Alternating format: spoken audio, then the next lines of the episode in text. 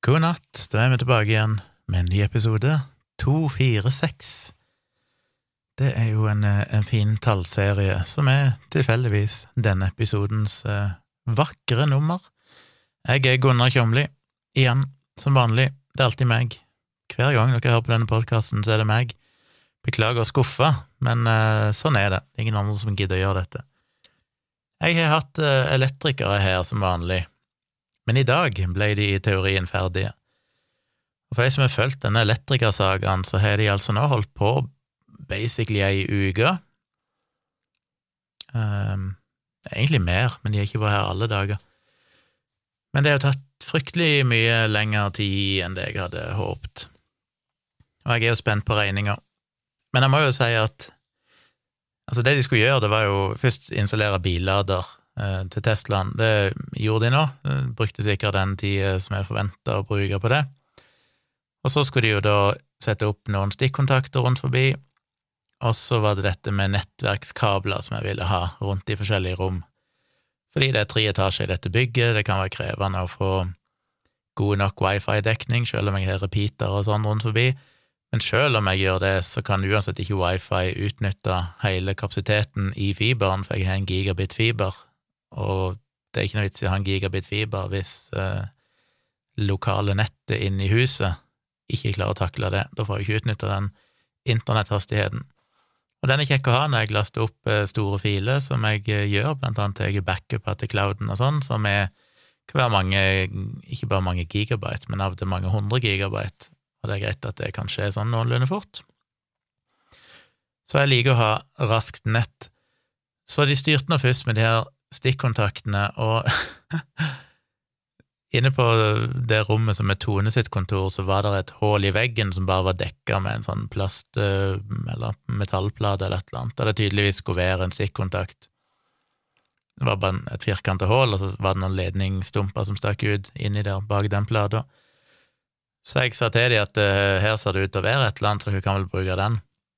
Og så For de skulle da legge inn ei, ja, fire stikkontakter, sånn at Tone kan ha kontor der og datamaskin og sånn, uten å ha masse skøyteledninger liggende på gulvet.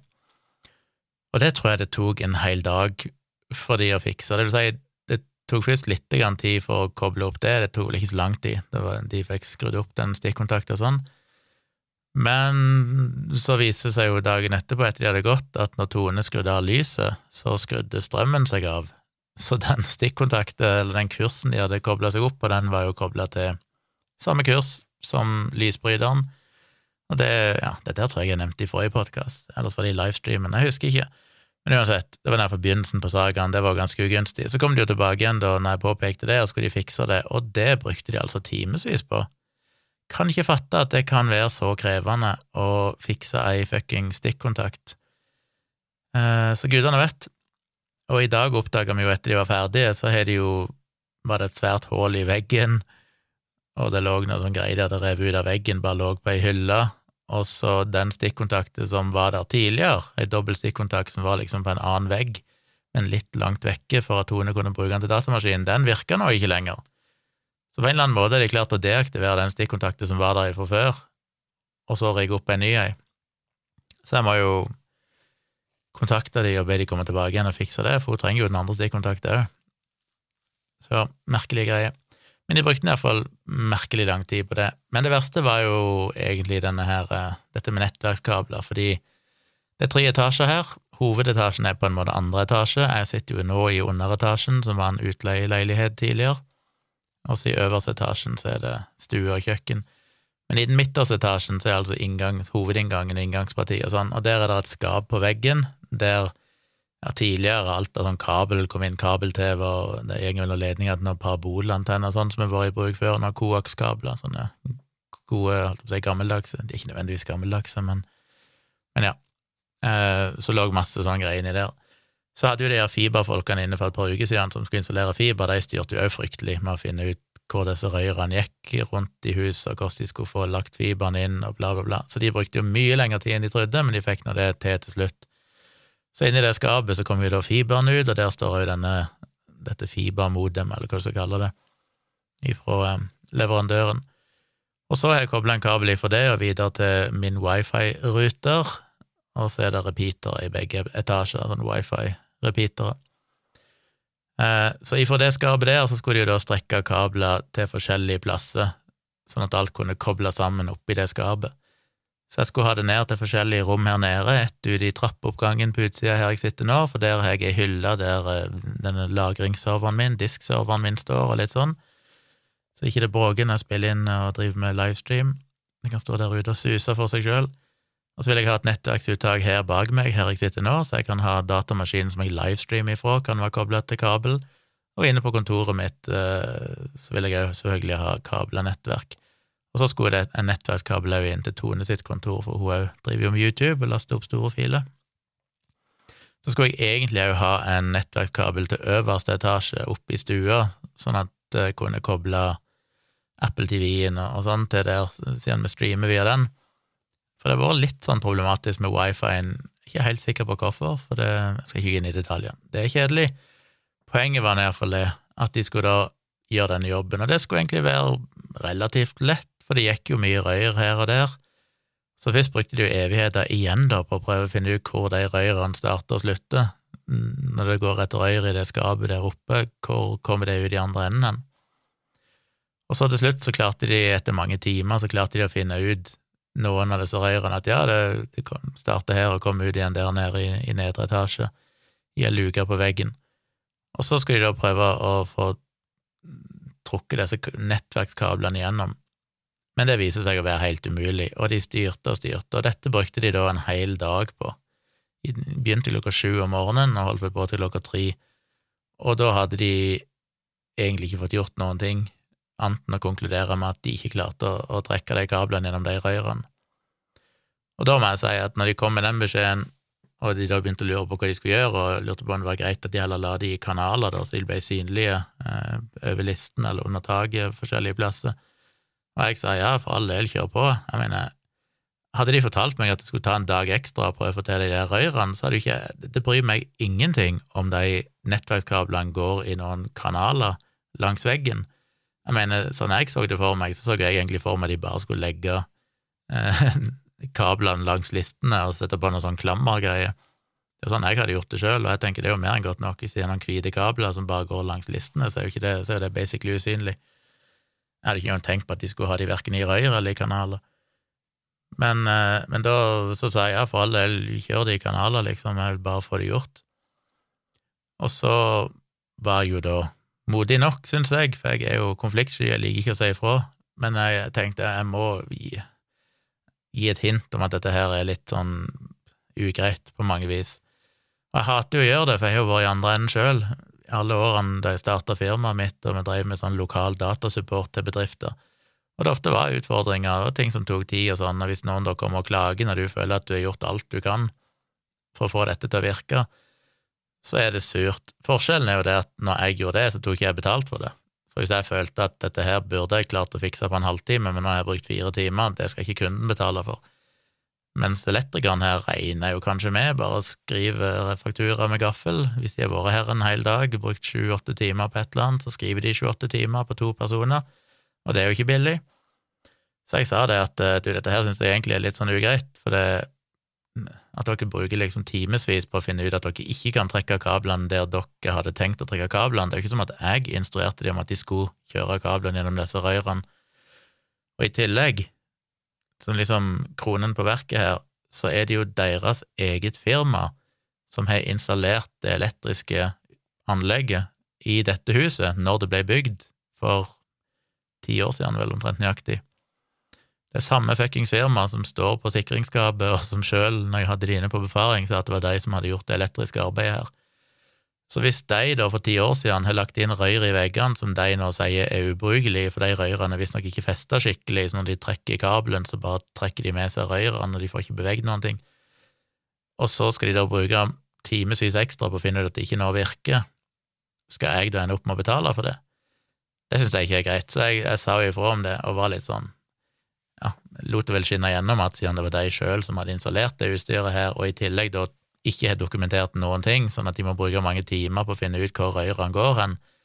Jeg mener, én ting var hvis de kom til en eller annen gammel bolig der ingen vet hvem som har satt opp det elektriske for 20, 30, 40, 50 år siden, Men her er det jo deres eget firma som har gjort det for ti år siden, og så skal jeg da etterfølgende eiere måtte betale mange timer ekstra fordi de sjøl ikke aner hvor røyrene de sjøl har installert, går, og i tillegg så er røyrene installert så dårlig at de ikke kan bruke de.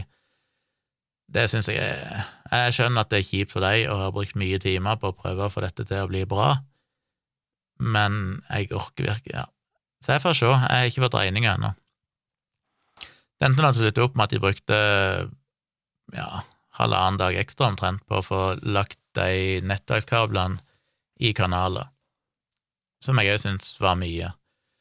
Men det gikk jo så mange, gjorde jo så mange tungvinte omveier, istedenfor å bare legge en kanal korteste veien, så valgte de å heller gå inn i et rom og så bore seg ut gjennom veggen, og så legge kabelen på utsida av veggen, og så ned, og så bore seg inn igjen i veggen og komme inn.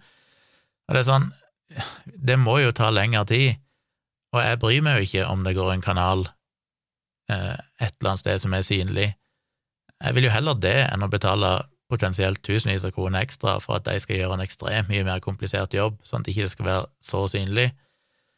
Og de spør meg ikke engang, og det er det som irriterer meg. Vi ble jo først enige om at ja, om det var greit at kanalen lå der og der langs trappa, jeg sa ja, det går helt fint. Og så når jeg da kom ut seinere, så har de valgt en helt annen løsning, for de tenkte at det ble finere, men er åpenbart òg mye mer krevende, tidkrevende løsning, som ikke jeg da har sagt jeg ville ha. Så jeg vet ikke, jeg hater jo sånne ting. Jeg hater når det blir den type ja, ugrei stemning, på et vis. Jeg var jo ikke sur på de på noe vis. Jeg, jeg sa jo det at jeg skjønner at det ikke er dere Det var ikke dere som installerte anlegget her for ti år siden, for dette er jo to ganske unge menn.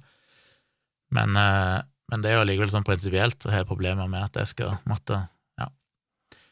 Og på toppen av det hele så har det jo vært utrolig kjipt for det vi har jo hatt sånne Tone ikke kunnet jobbe fordi jeg drev og styrte inn på kontoret hennes dag etter dag. Jeg har måttet flytte på studioet mitt her for de skal drive og grave grave seg ned i veggene her og gjøre alt mulig rart. Um, og vi har liksom Og de har kommet klokka sju om morgenen, som er ugudelig tidlig for min del. Uh, så jeg måtte liksom opp halv sju og, og være klar til å ta imot de, og så så er det vanskelig å få gjort noe, for jeg føler jeg må være litt tilgjengelig for de, og så plutselig, ja, så skal jeg jobbe på kontoret, men så plutselig så skal de igjen der og gjøre et eller annet. Og, og sånn har det jo vært i så mange dager nå, basically fem-seks dager. Eh, og det er bare sånn, det er kjipt, du føler du får ikke roen når det er håndverker her hele tida, eller elektriker. Men de ble nå iallfall ferdige i dag, bortsett fra at de da selvfølgelig må komme tilbake igjen og fikse stikkontakter hos eh, på Tone sitt kontor, sånn at den virker, men ellers så skal det være greit. Angående nettverkskabel opp til andre etasjen, så sa jeg bare at det får dere bare droppe. For det å få en kabel opp ifra gangen og opp i øverste etasje, én etasje opp, altså, det ville da innebære igjen å måtte bore seg ut gjennom veggen og opp på utsida, og så måtte de hatt en lang stie for å komme til, og bla, bla, bla. Så jeg sa at vi, vi får klare ikke uten det, jeg får heller ta den jobben og kostnaden ja, en eller annen gang til våren eller sommeren eller en eller annen gang i framtida hvis jeg finner ut at det blir nødvendig. Eh, vi har jo trådløst nettverk, og det fungerer greit nok, eh, så vi kan leve med det. De skal jo ha ei stikkontakt oppe på terrassen oppe, for jeg tenkte det kan være greit å ha til diverse ting på sommeren, men det sa jeg òg bare, bare dropp det, fordi nå er jeg redd det blir for dyrt, så da får jeg heller ta den kostnaden til våren når vi faktisk skal bruke terrassen, hvis jeg eh, ønsker det. Så ja, irriterende. Jeg, blir, jeg, er spent på å se hva den regninga er, og slutten på historien blir jo at hvis jeg ser at de har skrevet mm, ja, timer som jeg mener at her er de teier med alle de timene de brukte på å gjøre ting som ikke var nyttig, så kommer jeg nok til å klage på den regninga. Jeg er jo veldig usikker på hvor jeg står hvis jeg skal klage på ei regning. Altså, da, da, kommer det jo helt an på deres kundeservice, om de lytter til meg og tar meg seriøst, eller om de bare sier at nei, det var den tida det tok, det er det det koster. Da får de ikke meg som kunde igjen, for å si det sånn. Det er iallfall helt sikkert. Og jeg kommer sikkert til å trenge mer elektrikertjenester, så det er sikkert i deres interesse at de er litt greie der, men, men ja. I tillegg så hadde jeg jo, fikk vi en eh, boligsjekk her på døra. Eh, etter jeg tegna husforsikring og sånn, så har jo If inkludert gratis boligsjekk fra Antisimex som da kommer og gjennomgår i sånn punktliste på tonnevis av punkter, der de sjekker alt på bad og kjøkken og rundt forbi for å se at ting er i forsvarlig stand. Og jeg har jo ikke peiling på sånt, men jeg tenkte at eh, det er gratis, og det er sikkert lurt å si ja til, fordi når vi kjøper en bolig, så kan det jo være greit om de oppdager noe som ikke er helt i henhold til sånn det burde være. Så han kom nå, og jeg føler meg alltid dum med sånne ting, for det, det, jeg, jeg, kan så lite om sånt. Uh, men han gikk nå rundt med en iPad og sjekka alt mulig rart, og var en veldig hyggelig fyr. Uh, jeg snakket om hva jeg drev med, og YouTube og podkast og alt mulig rart. Uh, jeg er en veldig ung mann. Men, uh, men det var for så vidt greit. problemet er jo at jeg får litt panikk, for det er sånn ja, her bør du nok legge på noe silikon, og her er det en åpning som ikke burde være der, og her har de, de glemt å installere ditten og datten, og og ingen av de tingene er kritiske, men det er sånn, det kan være kjekt å fikse ved anledning. Og da blir jeg jo sånn, ja, men jeg, jeg, er jo ikke noen ekspert på sånne ting. Jeg skal jeg gjøre det sjøl, eller skal jeg betale folk for å gjøre det òg? Da slår det meg alltid at jeg har en bror som har jobba som tømrer eller snekker, hva det heter, og bygd hytter og sånn, og han er veldig flink med sånt, så jeg spørs om ikke jeg må invitere han ned på en, en kaffe en dag og se om eh, han kan ta med noe verktøy og så fikse småting. Men heldigvis var det ikke noen sånne store problemer. Men når han går rundt og han begynner å kjenne på kledninga og sier at ja, jeg ser at eh, denne kledninga nederst her får seg litt trøkk av fuktigheten og sånn, og den følger litt med på det framover, så bare minner meg, meg på hvor mye jeg hater ideen om å eie sin egen bolig. Det er selvfølgelig på godt og vondt. Jeg elsker det jo i den forstand at ok, her har jeg hatt muligheten til å gjøre litt mer med studioet mitt enn jeg kunne gjøre i en leid bolig, men jeg får litt angst, rett og slett, av tanken på at For jeg tenker sånn, her kan jeg ha bodd i ti år, og så har jeg bare glemt å forholde meg til alle de tingene. Det er sånn, jeg, jeg kommer ikke på å fikse sånt, eller følge med på alle de rare tingene med huset. Hvordan vet folk det? Hvordan, hvem, er det som lærer deg at du skal gjøre ditt og datten knytta til sånt? Jeg vet ikke. Så jeg må liksom bare ta meg i nakken og, og prøve å huske at jeg må følge med på de tingene. Altså, hvis jeg ikke kan fikse det sjøl, så må jeg jo bare kaste noen penger på problemet, i den grad jeg har penger å kaste på det. Eller utnytte venner og bekjente med mer kompetanse. Jeg har vel hjulpet deg med datamaskinen i, i sin tid, sikkert, ja, noen ganger opp gjennom historien, så kanskje jeg kan bruke det som for å lette på samvittigheten min til å spørre dem. Så ja, ingenting kritisk, eh, heldigvis.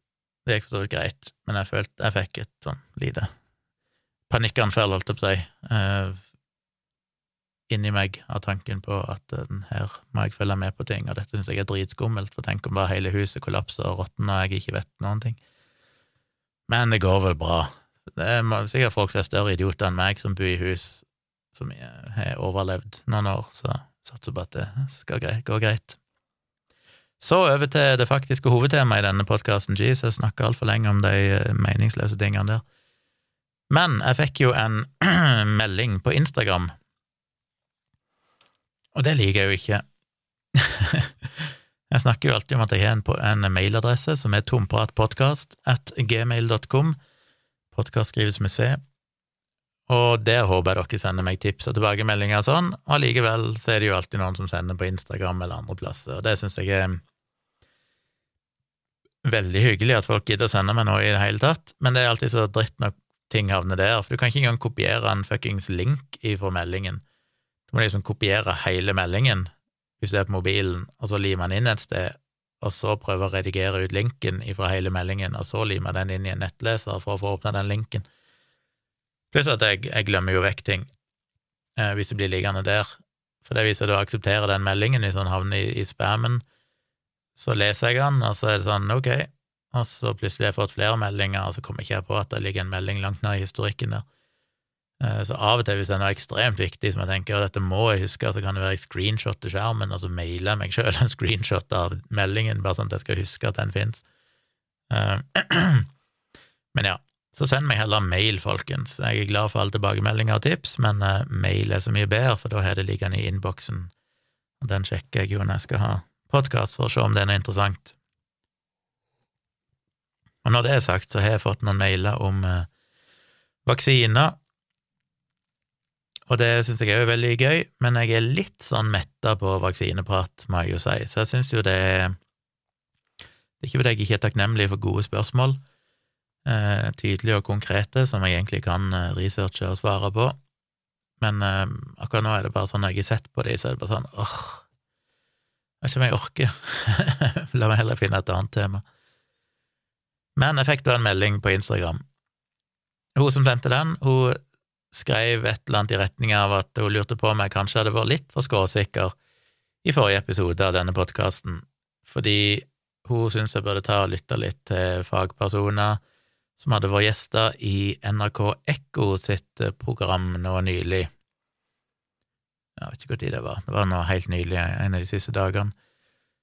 Uh, og så tenkte jeg uh, ja, ok, uh, den får jeg ta og lytte til. Så jeg lytta til den i dag, riktignok i bilen mens jeg kjørte for å hente dattera mi, så jeg hadde ikke mulighet til å notere underveis. Jeg prøvde å lage meg noen mentale notater over det jeg syntes var mest interessant av det de sa, og det er sikkert mer enn nok til å fylle en podkastepisode.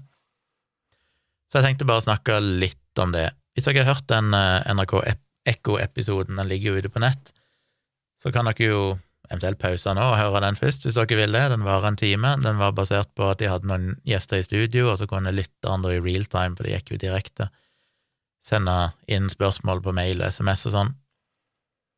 Og det handla jo da om sprøytemidler og denne siste rapporten fra Mattilsynet om eh, rester av sprøytemidler. Og jeg beit meg jo merke i flere ting. Det var jo en dude der som var toksikolog, og så var det hun Marit Kolby Sinøkker, som jo alltid er med. De kalte henne bare for Marit Kolby. Så jeg kom, kjente ikke helt igjen navnet før jeg googla, og så fant jeg at det er hun Marit Kolby Synøkker, for Synøkker er jo et navn du husker. Og hun er jo for så vidt irritert meg en del over før, for jeg ser jo at hun er veldig proøkologisk.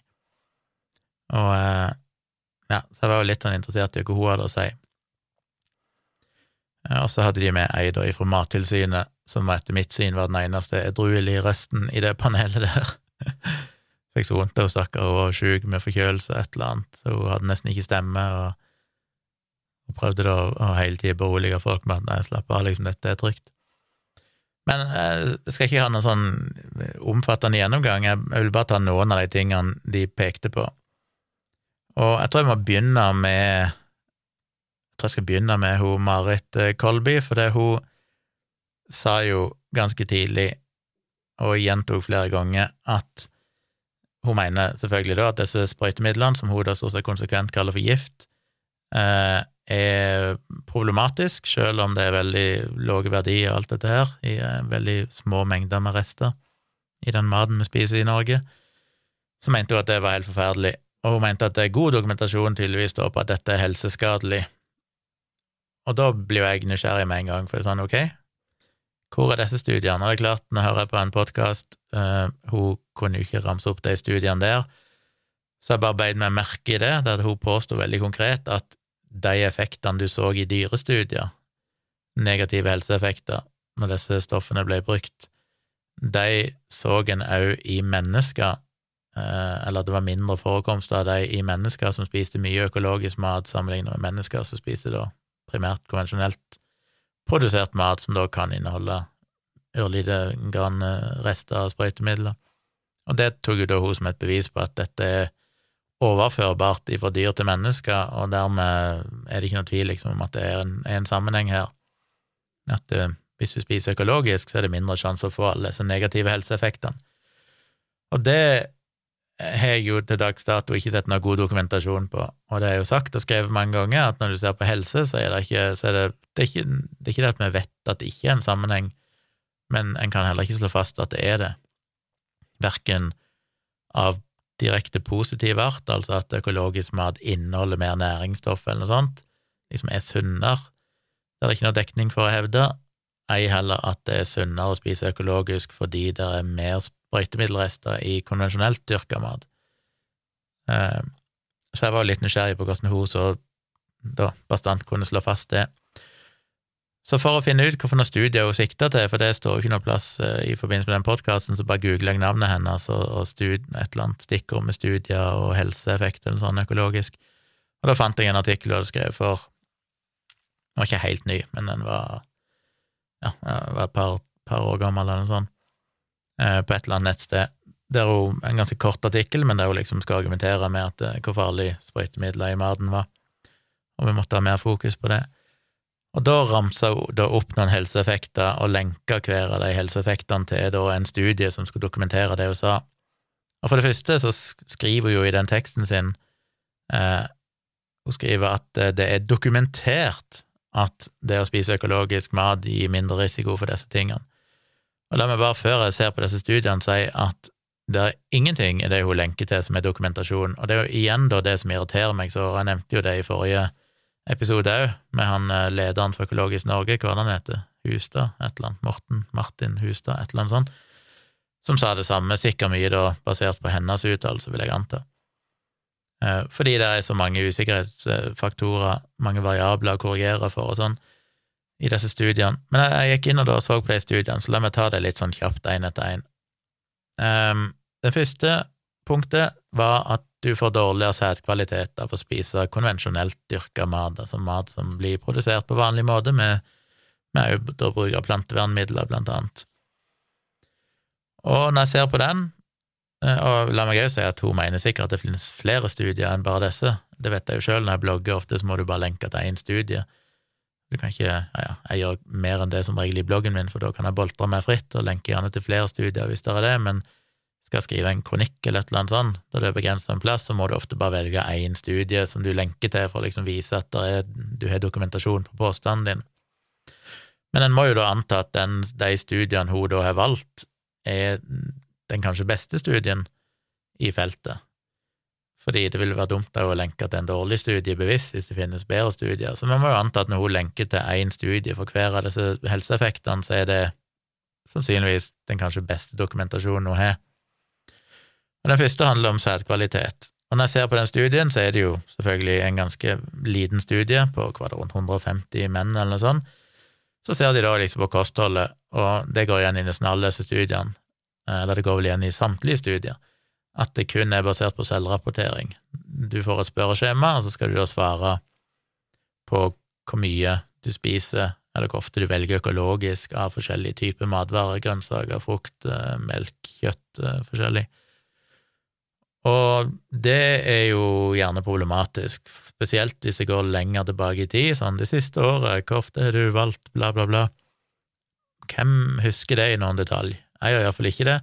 Eller si, akkurat i det spørsmålet så husker jeg det nok ganske godt, bare fordi at jeg ganske bevisst velger vekk økologisk mat. Men hadde jeg vært en jevn forbruker og ikke tenkt over det, så hadde jeg vel bare plukket opp eh, noe og ikke helt visst når jeg valgte det. Jeg tror de fleste ser litt på pris, litt på hvordan uh, grønnsakene ser ut, uh, litt sånne ting når de velger. Og hvis ikke det er noen sånn veldig prinsipiell holdning bak det, så tror jeg det er veldig vanskelig å huske i ettertid hvor ofte du velger det ene foran det andre men ikke minst bare hvor mye du spiser det generelt sett. Jeg mener, jeg drikker jo cola uten sukker hver dag, og jeg har gjort det i ja, jeg har drukket cola hele mitt liv, og sukkerfri cola de siste 20 årene, eller noe sånt. Allikevel, hvis noen spør meg hvor mye cola drikker du hver dag, så klarer ikke jeg å svare på det. Da prøver jeg å liksom visualisere for meg sjøl, ja, fuck, hvor mye cola drikker jeg på en dag? Og det blir bare en sånn Jeg prøver å tippe, men jeg vet jo ikke. Og da spiller jo òg samvittigheten min veldig inn, for jeg føler meg litt sånn skyldig fordi jeg drikker mye cola. Jeg kunne jo heller drukket vann, det er liksom Det er gratis i Forspringen.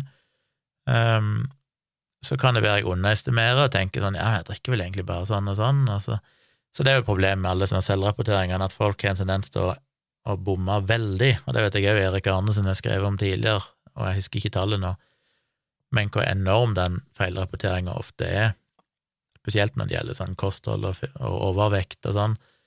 Eh, folk har jo en tendens til å dramatisk underrapportere hvor mye sukker de får i seg, eller hvor mye usunn mat liksom de får i seg, sammen, og gjerne overrapportere den sunne maten, for det vi ønsker jo å fremstå som bevisste og, og sunne individer, og lurer gjerne oss sjøl, eh, eller iallfall enten ubevisst lurer dere sjøl, eller bevisst bare prøver å lure den som forteller dette til.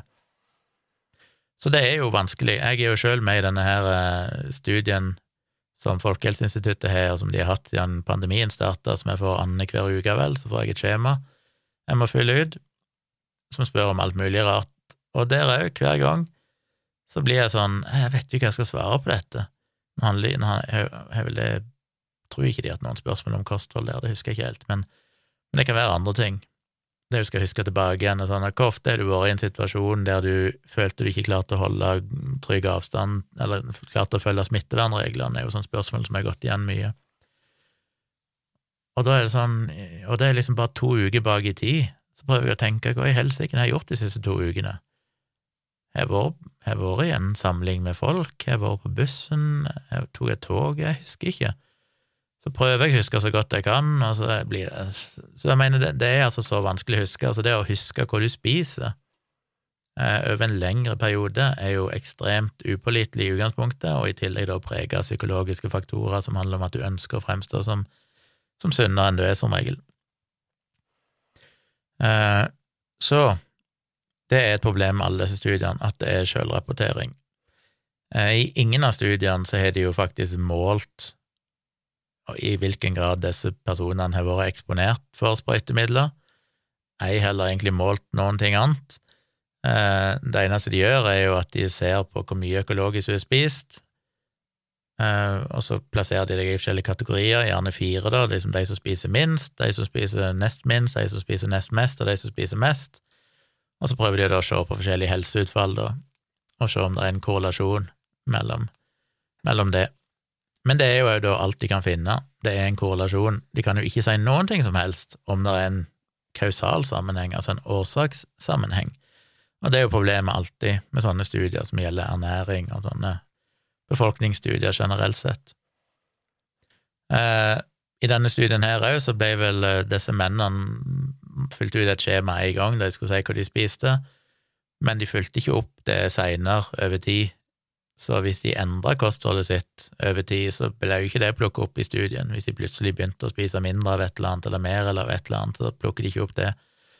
Og det er jo litt problematisk, for det i sånne studier, når du vet at du plutselig blir overvåka, så har du gjerne en tendens til å spise for eksempel sunnere. Det er det som gjerne kalles for Hawthorne-effekten. Når du blir observert av eh, for eksempel forskere, så, så, endrer du oppførsel. Så det er ikke sikkert at det de faktisk endte opp med å spise i løpet av studien, egentlig er likt med det de rapporterte at de spiste da studien starta. Så sånne ting er jo problematisk. Ikke sikkert det er noen store utslag i resultatene, men det er jo en faktor som som er relevant her.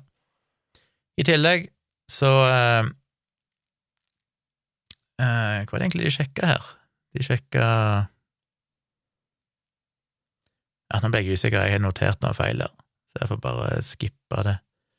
Men iallfall, igjen, da, så så de jo bare på hvor mye de spiste av forskjellig Ja, det var vel det, i denne studien her så så de vel bare på eh, hva de faktisk spiste av eh, frukt og grønt og sånne ting men de visste jo faktisk ikke om de matvarene var dyrka konvensjonelt eller økologisk, så egentlig så kunne de ikke si noen ting om det. Eh, er det jeg har notert meg, men nå ble jeg usikker på hvordan kan det stemme.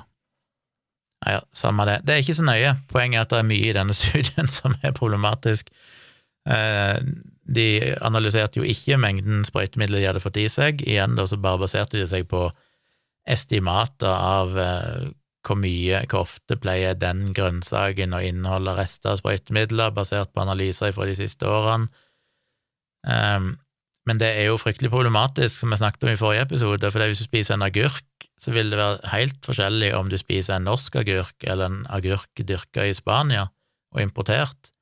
Den ene er kanskje ingen sprøyterester normalt sett, mens den andre kan gjerne overskride mengdene. Så det blir jo sånn, hva i all verden forteller en sånn studie deg når du ikke vet noen ting om den faktiske eksponeringa for sprøytemidler, du vet bare hvor mye de har spist av forskjellige frukt og grønnsaker, men du vet ikke hvor de grønnsakene eller den frukten ble dyrka hen, du aner ikke om akkurat den frukten og grønnsakene de spiste, var noe som var utsatt for rester av sprøytemidler. Helt fullstendig meningsløst i mine øyne. Det blir bare en sånn forsøk på å prøve å lage en statistisk analyse her basert på noen estimater som du ikke aner om egentlig er reelle for de faktiske personene i studien. Eh, I tillegg så skriver de jo flere ganger i studien at de brukte en analysemetode for å vurdere sædkvaliteten som egentlig kanskje ikke er så godt egnet til den type studier, som igjen bare gjør det sånn, men ok, så Og som de skriver i denne studien, som i alle de andre studiene, er jo at uh, disse resultatene må tolkes med den ytterste forsiktighet, fordi det er så mange potensielle feilkilder her at uh, vi jo egentlig ikke vet. Så ja, den studien uh, er, ikke noe som jeg ville ha kalt for dokumentasjon. Neste punkt det var svangerskapsforgiftning, og her har de brukt data fra den norske, da. Den er, det er to av disse studiene som er norske. Resten er fra USA og Frankrike. Eh, svangerskapsforgiftning, og da mener de å finne at det er litt mindre risiko Jeg glemte vel å si det på den første, da, men at eh, poenget med den var jo selvfølgelig at du hadde bedre sædkvalitet hvis du var, spiste mye økologisk. Eh, du er jo mindre risiko for svangerskapsforgiftning hvis du spiser mye økologisk. Men da fant de jo Skal vi se hva de skrev her. Ja, når de så på alt de spiste av både frukt og grønt og forskjellig, så fant de jo ingen forskjell i denne studien på om du valgte mest økologisk eller mest konvensjonelt. De fant kun en forskjell hvis de da brøyde ned på forskjellige subgrupper, altså skilte frukt ifra grønnsaker og ifra jeg husker ikke andre ting de hadde der. Men det var kun grønnsaker de fant en forskjell i. De som spiste mest økologiske grønnsaker, hadde mindre risiko for svangerskapsforgiftning, men de fant da ikke det samme hvis du inkluderte frukt og andre ting. Og det er jo alltid en sånn liten lite rødt flagg. Eh, du får jo, nå skal jeg ikke beskylde denne studien for p-hacking, for de gjorde ikke så mange subgruppeanalyser, men, men det kan fort være det du tenker, at hvis ikke du finner det resultatet du vil ha, for det de altså ikke fant, var jo at de som spiste mest økologisk, faktisk hadde mindre risiko for svangerskapsforgiftning. Men for å finne det resultatet, så måtte du da ekskludere alt unntatt grønnsaker, og da satt du igjen med et resultat som var verdt å rapportere. Så ja, det gjør meg òg litt sånn skeptisk.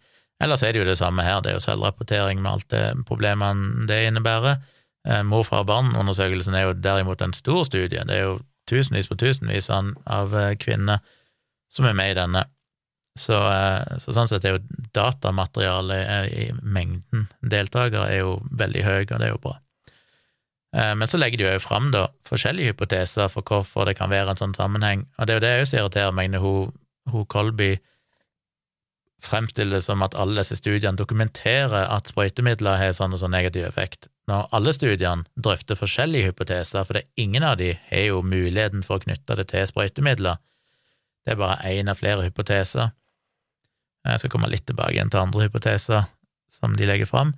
Neste er jo misdannelser i reproduksjonsorganet hos guttebarn, og det er jo altså basert på morfar-barn-undersøkelsen i Norge, eller bare mor og barn-undersøkelsen heter det kanskje i den tid, for de er noen år gamle, disse studiene.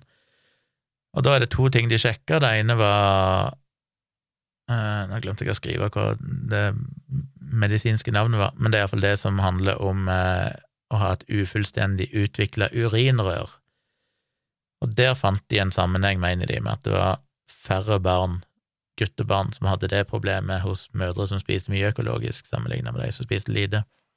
De sjekka jo dette med retinerte testikler, altså at testiklene ikke faller ned i pungen skikkelig, eh, men der fant de ingen sammenheng. Så det var kun én av de to de fant en sammenheng for, og der drøfter de jo videre da, hva kan grunnen her være. Men igjen, det er jo samme undersøkelsen, begge er jo henta fra samme datagrunnlaget altså både den med svangerskapsforgiftning og den med misdannelse i reproduksjonsorganer, så det er jo de samme feilkildene der òg, med at det er selvrapportering av hva du har spist og alt det der.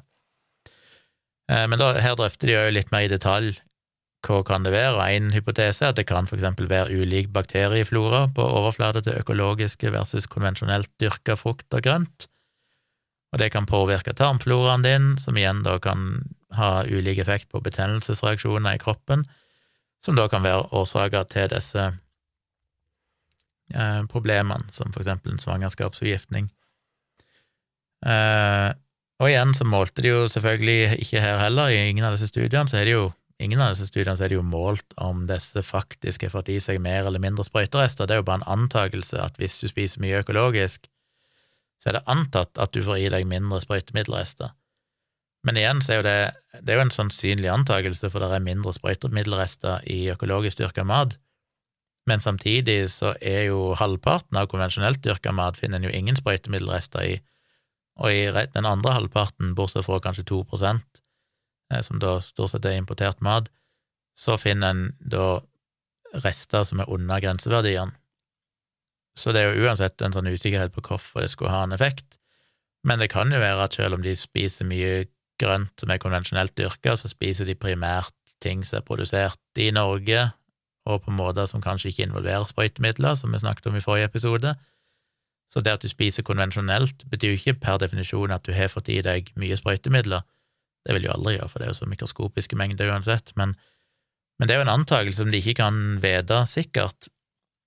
Så rent statistisk, ja, så er det nok en sannsynlighet for at du kan anta at hvis du spiser mest konvensjonelt dyrka, så har du nok fått i deg mer enn en ellers, men det er fortsatt ikke noe de har målt, så de vet jo ikke med sikkerhet egentlig hva forskjellen er, om det er noen seriøse forskjeller i, i uh, mengden av disse stoffene som faktisk finnes i kroppen til de kvinnene. Uh, og så er det en annen faktor de trekker fram i den studien, som selvfølgelig Kolby ikke sier noen ting om, og det er jo at uh, de som velger å spise veldig sånn bevisst mye økologisk mat, ikke urimelig å anta at det òg er damer som kanskje bruker mindre hudpleieprodukter, bruker mindre vaskemidler, i forstand at de kanskje bruker mer i gåsehud naturlige vaskemidler. Uh, de bruker kanskje andre typer klær, som består av andre typer stoffer og lager på andre måter. Eh, de oppbevarer maten på forskjellige måter hjemme. Jeg kan tenke meg at folk som er veldig opptatt av økologisk mat, er nok veldig opptatt av å kanskje lage maten sin sjøl, og kanskje da oppbevare rester på forskjellige måter, så det kan gjenbrukes og bla, bla, bla. Og det, som de har snakket om i den Ekko-episoden, dette med lekkasje av kjemikalier fra emballasje og oppbevaringsbokser og sånn til maten, er jo en faktor. Så det er mange andre ting her som er ting som kommer i kjølvannet av det å være en fan av økologisk, som òg i aller høyeste grad kan påvirke hvilke kjemikalier du får i kroppen din, og som da kan ha forskjellige helseeffekter. Kanskje spesielt dette med hudpleieprodukter og sånn, for det er i veldig stor grad der mye av dette kommer ifra. Det kommer gjennom huden din. Så det er klart at hvis du er en sånn veldig naturlig person som bare spiser økologisk og ikke bruker noe um, ikke bruker et tonn med hudpleieprodukter hver dag, så, så kan nok det være en minst like viktig faktor for den eksponeringa du får, som det maten din eh, har. Og det blir jo da ikke nevnt av Kolby, hun bare legger det fram som om alle disse studiene viser konklusivt at det er sprøytemidler som gjør det. Neste er metabolsk syndrom, og metabolsk syndrom er jo et samlebegrep som omfatter overvekt, økt mageomkrets, høyt blodtrykk, høye insulinverdier og ugunstige kolesterolverdier. Igjen så er det jo basert på selvrapportering, og det de fant her, er jo, som jeg kommer litt nærmere tilbake til i de neste studiene her, da de er veldig tydelige, er jo at uh, de som spiste økologisk, òg hadde lavere BMI. Men det gir jo en litt sånn sirkelargumentasjon, for det betyr at det de fant her, det var at det var mindre metabolsk syndrom hos de som spiste mye økologisk, og metabolsk syndrom inkluderer jo blant annet vekta de. Ehm, så det de sier, da, at hvis du spiser mye økologisk, så fører det til at du får en lavere BMI, men samtidig så sier de jo at de som spiste økologisk, generelt sett hadde en lavere BMI, som da kan være en, en, eh, et tegn på at de generelt sett er sunnere mennesker som mosjonerer mer og spiser mindre og alt dette her. Og det blir jo en sånn sirkelargumentasjon, fordi da liksom det å spise økologisk, det er jo grunnen til at du har mindre BMI av andre årsaker, men så bruker de òg det at de fikk lavere BMI som et argument for at ergo så er det bedre å spise økologisk, som jo er en argumentasjon som ikke henger på greip i det hele tatt.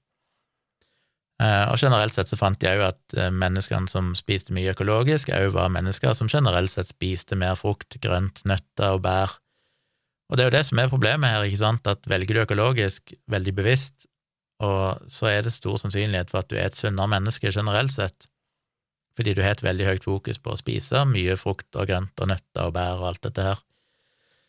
Eh, og det sa de òg, at de som var med i, i studien her, ja, dette var vel en fransk studie, som var basert på en sånn noe lignende morfar-barn i Frankrike, altså en sånn nasjonal studie som pågår, der de samler inn helsedata om folk for å se hvordan kostholdet påvirker. Men i den studien så er, det, er det frivillig å delta, og det er jo da primært eh, folk som er veldig opptatt av kosthold og helse, som deltar i studien, sånn at de kan ikke generalisere resultatene til å gjelde folk flest. Eh, og så vet de ingenting om genetikken, det gjelder jo òg i alle disse studiene. En vet jo ingenting om arvelighet, risiko for disse sykdommene, eh, som er jo en, i aller høyeste grad en betydelig faktor i dette, som kan spille inn på mange måter i, i hvordan livsstilen din er generelt sett. Hvis genetikken din tilsier at du har lettere for å bli overvektig generelt sett, så vil det jo kanskje påvirke mange valg i livet ditt, eh, mange livsstilsvalg, kontra hvis du var en person som rent genetisk er veldig fit, holdt jeg på å si. En lett for å være slank, eh, lett for å bygge muskler, et eller annet sånt, så velger du kanskje en annen vei i livet ditt. Og det vil jo da igjen påvirke risiko for, for forskjellige sykdommer seinere, og, og måten du kanskje kostholdet ditt og sånn. Så det blir jo et problem her. De vet ingenting om genetikk, de vet ingenting egentlig om hva disse folkene spiste, bortsett fra det de selv rapporterer, som er upålitelig. De vet ikke hvilken eksponering de hadde for sprøytemidler i noen av disse studiene, for det ble aldri målt i noen av disse studiene, det er kun estimater basert på hva de tror kanskje kan finnes av sprøytemidler i det de har spist, og så videre. Så det er jo veldig vanskelig å trekke noen konklusjoner ut fra dette her. Så det er diabetes type 2, Eh, igjen, den, tror den var Nei, den lurer på om det var en amerikansk studie. Det morsomme med den var jo at de fant jo ingen statistisk signifikante resultater. Eh, så kan en jo ha en stor eh, akademisk debatt om hvor viktig det er at, at resultatene er statistisk signifikante, kanskje vi overfokuserer på det. Men allikevel, den er iallfall det som er en sånn cutoff point, at hvis ikke resultatene er statistisk signifikante, så generelt sett så da antar vi jo at det ikke nødvendigvis er veldig solide data, iallfall når det er en enkeltstudie og de ikke er blitt reprodusert av andre på noen slags måte. Så det er jo igjen da selvrapportering og alt det vi var gjennom tidligere, men det morsomme her var at de skrev da spesifikt om deltakerne, og der skriver de Participants who purchased organic foods in the past 30 days were more likely to be younger, female, white, with higher education and higher family income, without a family history of diabetes, non smoker, with more alcohol intake and higher physical activity levels, with less total energy intake and higher overall diet quality, and with lower BMI. Med andre ord, de er alle i den gruppa som generelt sett er mest, er mest sannsynlig har god helse. De er, de er unge, de er hvite, eh, de har høy utdanning, de har høy inntekt, eh, de har ingen genetisk eh, risiko for, eller høy risiko for for eksempel diabetes i dette tilfellet. I veldig liten grad så røyker de. De har mye høyere fysisk aktivitet, de spiser mindre mat, de spiser mat av bedre kvalitet, sunnere mat, og de har lavere BMI. Det er bare én negativ faktor hos disse, og det er at de har et høyere alkoholinntak. Og da husker dere kanskje det jeg har snakket om flere ganger, dette her klassiske rødvinsparadokset, holdt jeg på å si, at uh, den ideen om at å drikke rødvin er sunt, for det at de som drikker et glass rødvin hver dag, ser ut til å ha bedre helse enn andre. Vel, her har dere jo i stor grad forklaringer. Det er ikke hele forklaringa, den er litt mer kompleks enn det, men en stor grad av forklaringa er jo at nettopp de som drikker et glass vin hver dag, som regel da er unge, friske personer med høy inntekt som trener mye og spiser sunt. Ergo er det ikke det å drikke rødvin som gjør at du er sunnere, det er alt andre som følger med de personene som har muligheten til å drikke mer alkohol. Men altså ingen statistisk signifikante resultater. Likevel så mener Colby at dette er dokumentasjon, dette er dokumentert sammenheng, at økologisk fører til mindre diabetes type 2, og viser da til en studie som ikke fant noen signifikante resultater. Og så den store, stygge kreften da til slutt. Eh, og den var vel òg Jeg husker ikke om dette var en amerikansk studie eller òg basert på denne franske. Men her skriver de jo igjen det samme, de har sett litt på deltakerne, og skriver at higher organic food scores were positively associated with female sex, high occupational status or monthly income per household unit, post-secondary graduate educational level, physical activity and former smoking status, altså de røykte mindre. Higher organic food scores were also associated with a higher MPNNS-GS, som jeg selvfølgelig måtte google, men det er basically en høyere grad av at de fulgte de franske Ja, dette er fransk studie, for det var de franske ernæringsrådene, eller kostholdsrådene. Så de som spiste mye økologisk mat, igjen da hadde høyere inntekt, høyere utdanning, og òg generelt sett spiste mye sunnere på alle andre områder. De skriver videre at uh, higher organic food scores were associated with a healthier diet rich in fiber, vegetable proteins and micronutrients. Higher organic food scores were also associated with higher intake of fruits, vegetables, nuts and legumes, and with lower intake of processed meat, other meat, poultry and milk. Så, som jeg sa allerede i forrige episode, og som det nå her er ganske godt dokumentert i de studiene som proøkologiske folk sjøl eh, bruker, legger til grunn, så er jo dette da mennesker som generelt sett i veldig stor grad lever sunnere, spiser sunnere, har en bedre livskvalitet, levestandard. Alt dette her. Eh, så skriver jo Kolby ei linje om det i den teksten sin, at eh, hun prøver å bortforklare at det har noen ting med det å gjøre, at det er andre variabler som spiller inn. Jeg vet ikke helt hvordan hun prøver å bortforklare det, men det var bare en sånn, nesten som hun bare avfeier det. Eh, og da må en jo påpeke at ja, i disse studiene, i de fleste, jeg er ikke helt sikker om det gjelder alle, så prøver de selvfølgelig å korrigere for mange av disse tingene. Men de korrigerer jo bare da for enkelte ting. De prøver selvfølgelig å korrigere for for eksempel røyking, eh, overvekt, eh, gjerne kjønn, eh, og gjerne et par andre ting. Men her er det altså så mange ting som spiller inn, uh, i alle studiene så skriver de jo i, i, i, slutten at de kan jo ikke utelukke at det finnes rester av sånne variabler som ikke de kan kontrollere for, som kan ha påvirka utfallet her. Så det er veldig, veldig vanskelig å gjøre den type studier. Uh, og det de fant i den studien da om kreft, var at hvis du så på alle krefttyper samla sett, bare lempa alle sammen i en haug, så fant de et statistisk signifikant uh, redusert risiko for de som spiste mest økologisk mat, men kun de som spiste mest. De som spiste nest mest, eller nest minst, hadde ikke noe bedre utfall enn de som spiste nesten ingenting eller ingenting økologisk mat. Så det var først når du kom på det aller høyeste nivået at de fant noen forskjell. Men hvis du bryter ned på de spesifikke krefttypene, tykktarmskreft, brystkreft og forskjellige sånne ting, så fant de ikke noen statistisk signifikante resultater, bortsett for to. Den ene var vel brystkreft, og det andre var hva var det, lymfekreft eller noe sånt. Og igjen da kun i de aller høyeste grupper, de som spiser aller mest, ikke i noen av de andre gruppene. Så det er jo litt sånn eh, påfallende, da, at du kan ikke egentlig finne det i noen spesifikke krefttyper i noen særlig grad, men hvis du bare lemper alle sammen, da, sånn at alle vinner på det, så kan du til slutt klare å finne noe som er statistisk signifikant. Og det er altså ikke spesielt sterke data, etter mitt syn. I tillegg så er det vanskelig å finne en lineær trend her. Når du ser på grafene i disse studiene, så ser du gjerne at de som spiser minst økologisk, har en viss risiko.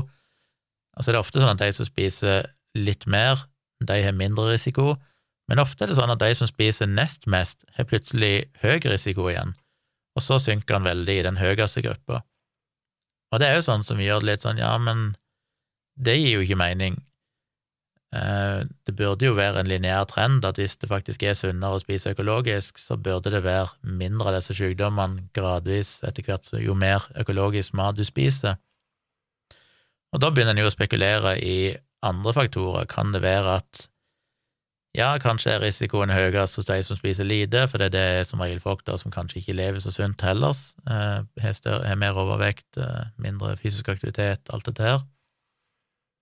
De som spiser litt, kanskje de er i ei gruppe som da generelt sett er litt eh, sunnere, litt mer bevisst på maten sin.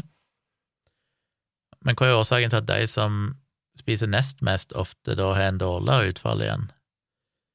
En psykologisk faktor som kan spille inn der. Jeg kom ikke på i farten. Så ja, nei, det, så det er jo et problem, da, at det ikke er noen sånn lineær trend her. Og det gjør det jo litt sånn litt mistenkelig. Så det var de studiene hun lista opp der, da, og det er det jeg har basert meg på her. Og oppsummert, alle disse studiene er veldig upålitelige, de er i beste fall, og det skriver de jo eksplisitt sjøl i flere av disse konklusjonene, at dette er i beste fall hypotesedannende. Det er så usikre resultater med så mange variabler de ikke er kontrollert for, basert på selvrapportering, eh, uten at de har målt noen ting av faktisk eksponering for sprøytemidler, uten at de ofte vet engang hva de har spist, om de har spist økologisk eller ikke, og ei heller hva de har spist innenfor dette. eh, at det er vanskelig å skjønne at dette skal kunne vise noen ting som helst. Det er interessante studier å gjøre for å se er det noe her som kan være interessant å forske videre på, og så må man jo da i så fall prøve å forske videre på det, og det vil jo være omfattende og ta tid, men disse studiene er altså da i beste fall hypotesedannende, og er på ingen som helst måte dokumentasjon på noen ting som helst. Et annet poeng her, som de vel var litt innom i, i den podkastepisoden til NRK Ekko, er jo det at økologisk mat er dyrere, som òg er sikkert det som i stor grad òg kan drive fram det en finner, da, at det er gjerne folk med god råd som spiser mest økologisk. Så det betyr jo at det i seg sjøl La ikke si at uh, Det er vel kanskje en, en kjerne av sannhet i det òg i, dagens verden, at uh, sunn mat er dyr, mens usunn mat er billig. Vel, da vil det jo automatisk være sånn at folk med god råd gjerne da uh, er sunnere enn andre, fordi det er de som har råd til å spise den sunne maten. Og de som har god råd, har gjerne òg mange andre livsstilsfaktorer som gjør at de er sunnere, sånn at det ikke nødvendigvis bare maten som spiller inn her. Og det er jo en sånn faktor som driver mye av dette, sannsynligvis, med økologisk mat, at så lenge Hvis du hadde gjort økologisk mat billigere, eller like billig som all annen mat, kanskje noe av den sunne effekten hadde da forsvunnet, fordi da ville plutselig alle kanskje spist like mye økologisk mat, for det vil ikke være noen grunn til å velge det vekk hos de fleste som ikke er så bevisste. Og da, når du gjorde disse studiene her, så ville du kanskje ikke sett noen særlig forskjell lenger, for da har du disse folkene som generelt sett ikke bryr seg om kosthold, ikke trener, er overvektige og sånn, Vi spiser like mye økologisk som de som har god råd, ergo så mister du hele effekten. Så det hadde jo vært interessant å sett. Eh, jeg vil jo gjerne se studier der folk får utdelt mat, så ikke de må betale for det, sånn at ikke penger er en faktor i det hele tatt. Men det er jo veldig krevende. Eh, så må jeg òg bare nevne at noen av disse studiene er veldig pro-økologiske. Det leser du i innledningen på de når de skal drøfte hva økologisk mat er, så er det liksom ikke måte på hvor fantastisk økologisk mat er, og hvor sunt det er, og hvor mye, næring, mye mer næringsstoffer det inneholder og sånn. Og det er jo et stort rødt flagg av to grunner. Det ene er jo at det kan jo tyde på at det er en bias i disse studiene i utgangspunktet. Det gjelder riktignok ikke alle studiene, men det gjelder noen av de. Eh, men et annet problem er jo at hvis de da så ettertrykkelig påstår at det er eh, mer næringsstoffer, sunne næringsstoffer og sånn, mer vitaminer og forskjellige ting, mikronæringsstoffer i disse økologiske produktene, så blir jeg jo litt skeptisk, for der har jo jeg slitt med å finne dokumentasjon på at det stemmer. Der spriker jo forskningen veldig, og det er veldig uvisst om det egentlig har noen relevans, fordi det de ofte måler, er jo at det er en høyere konsentrasjon av et eller annet næringsstoff i økologisk eh, si økolo, et økologisk eple, så er det kanskje mer vitaminer i det eh, per eh, Altså, det, det, er høyere konsentrasjon av det. Men det er ofte fordi at økologiske grønnsaker og frukt gjerne vokser seinere, fordi de ikke har samme tilgangen på næringsstoffer gjennom kunst, gjødsel og sånne ting, nitrogen. Eh, så det, det, er liksom mer saktevoksende og blir gjerne da mindre frukter, så kanskje det er et mindre eple, sånn at når du måler en, eh, en kvadratcentimeter eller kubikkcentimeter av det eplet, så er det kanskje mer næringsstoff i den kubikkcentimeteren, mens i et konvensjonelt dyrka eple så vil det være større, sånn at det er mer utvanna på en måte, men siden det òg er større, så vil det totalt sett kunne ha like mye næringsstoffer. Og det betyr at hvis du sier at hvis du spiser én kilo økologiske epler, så vil du kanskje få i deg mer næringsstoff enn hvis du spiser én kilo konvensjonelt dyrka. Problemet er at det er jo gjerne ikke sånn folk spiser mat, folk spiser gjerne et eple. Og hvis det er økologisk og spiser de et mindre eple, er det konvensjonelt dyrka, så er det kanskje et større eple. Ergo får de i seg akkurat like mye av de næringsstoffene. Så det, det, blir en sånn veldig misvisende måte å måle det på, fordi det egentlig ikke reflekterer måten du spiser det på. Spiser du en gulrot, så spiser du en gulrot. Um, hvis den er 20 større når den er konvensjonelt dyrka, så spiser du 20 mer gulrot der og får totalt sett i deg like mye næringsstoffer. Så det, det, kan ofte være misvisende. Men i tillegg, og det har jeg skrevet en lang bloggpost om for mange år siden, der jeg så på mye av den forskningen som er gjort på, på dette med næringsinnhold og sånn, og det er så mange ting som spiller inn der, som ikke har noen ting egentlig med nødvendigvis om det er dyrka økologisk, for eksempel at det som blir dyrka økologisk, ofte av ulike årsaker blir dyrka på i annen type jord eller andre geografiske områder enn konvensjonelt dyrka, og der kan det være en annen type jord som da kan booste enkelte typer næringsstoffer, som da egentlig ikke er noen ting med at det blir dyrka økologisk, men bare med at det blir dyrka på akkurat det stedet. Og sånn. Så det, det blir en sånn mer innfløkt debatt omkring eh, ja, hva en egentlig legger vekt på her.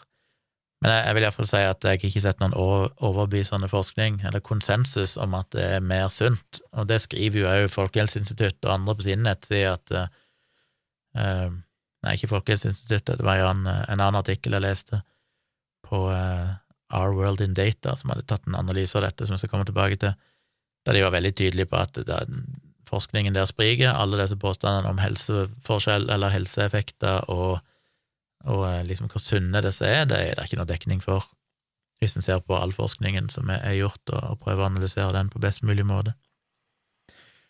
Så det syns jeg er tendensiøst i flere av disse studiene, og det gjør meg jo da skeptisk til motivasjonen. Så det var studiene. La meg da gå litt tilbake til et par andre ting som jeg beit meg merke i.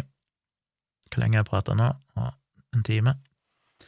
Det ene var selvfølgelig at det kom en diskusjon om glyfosat, og det må jo alltid komme på et eller annet tidspunkt, for det er vel det mest brukte sprøytemiddelet.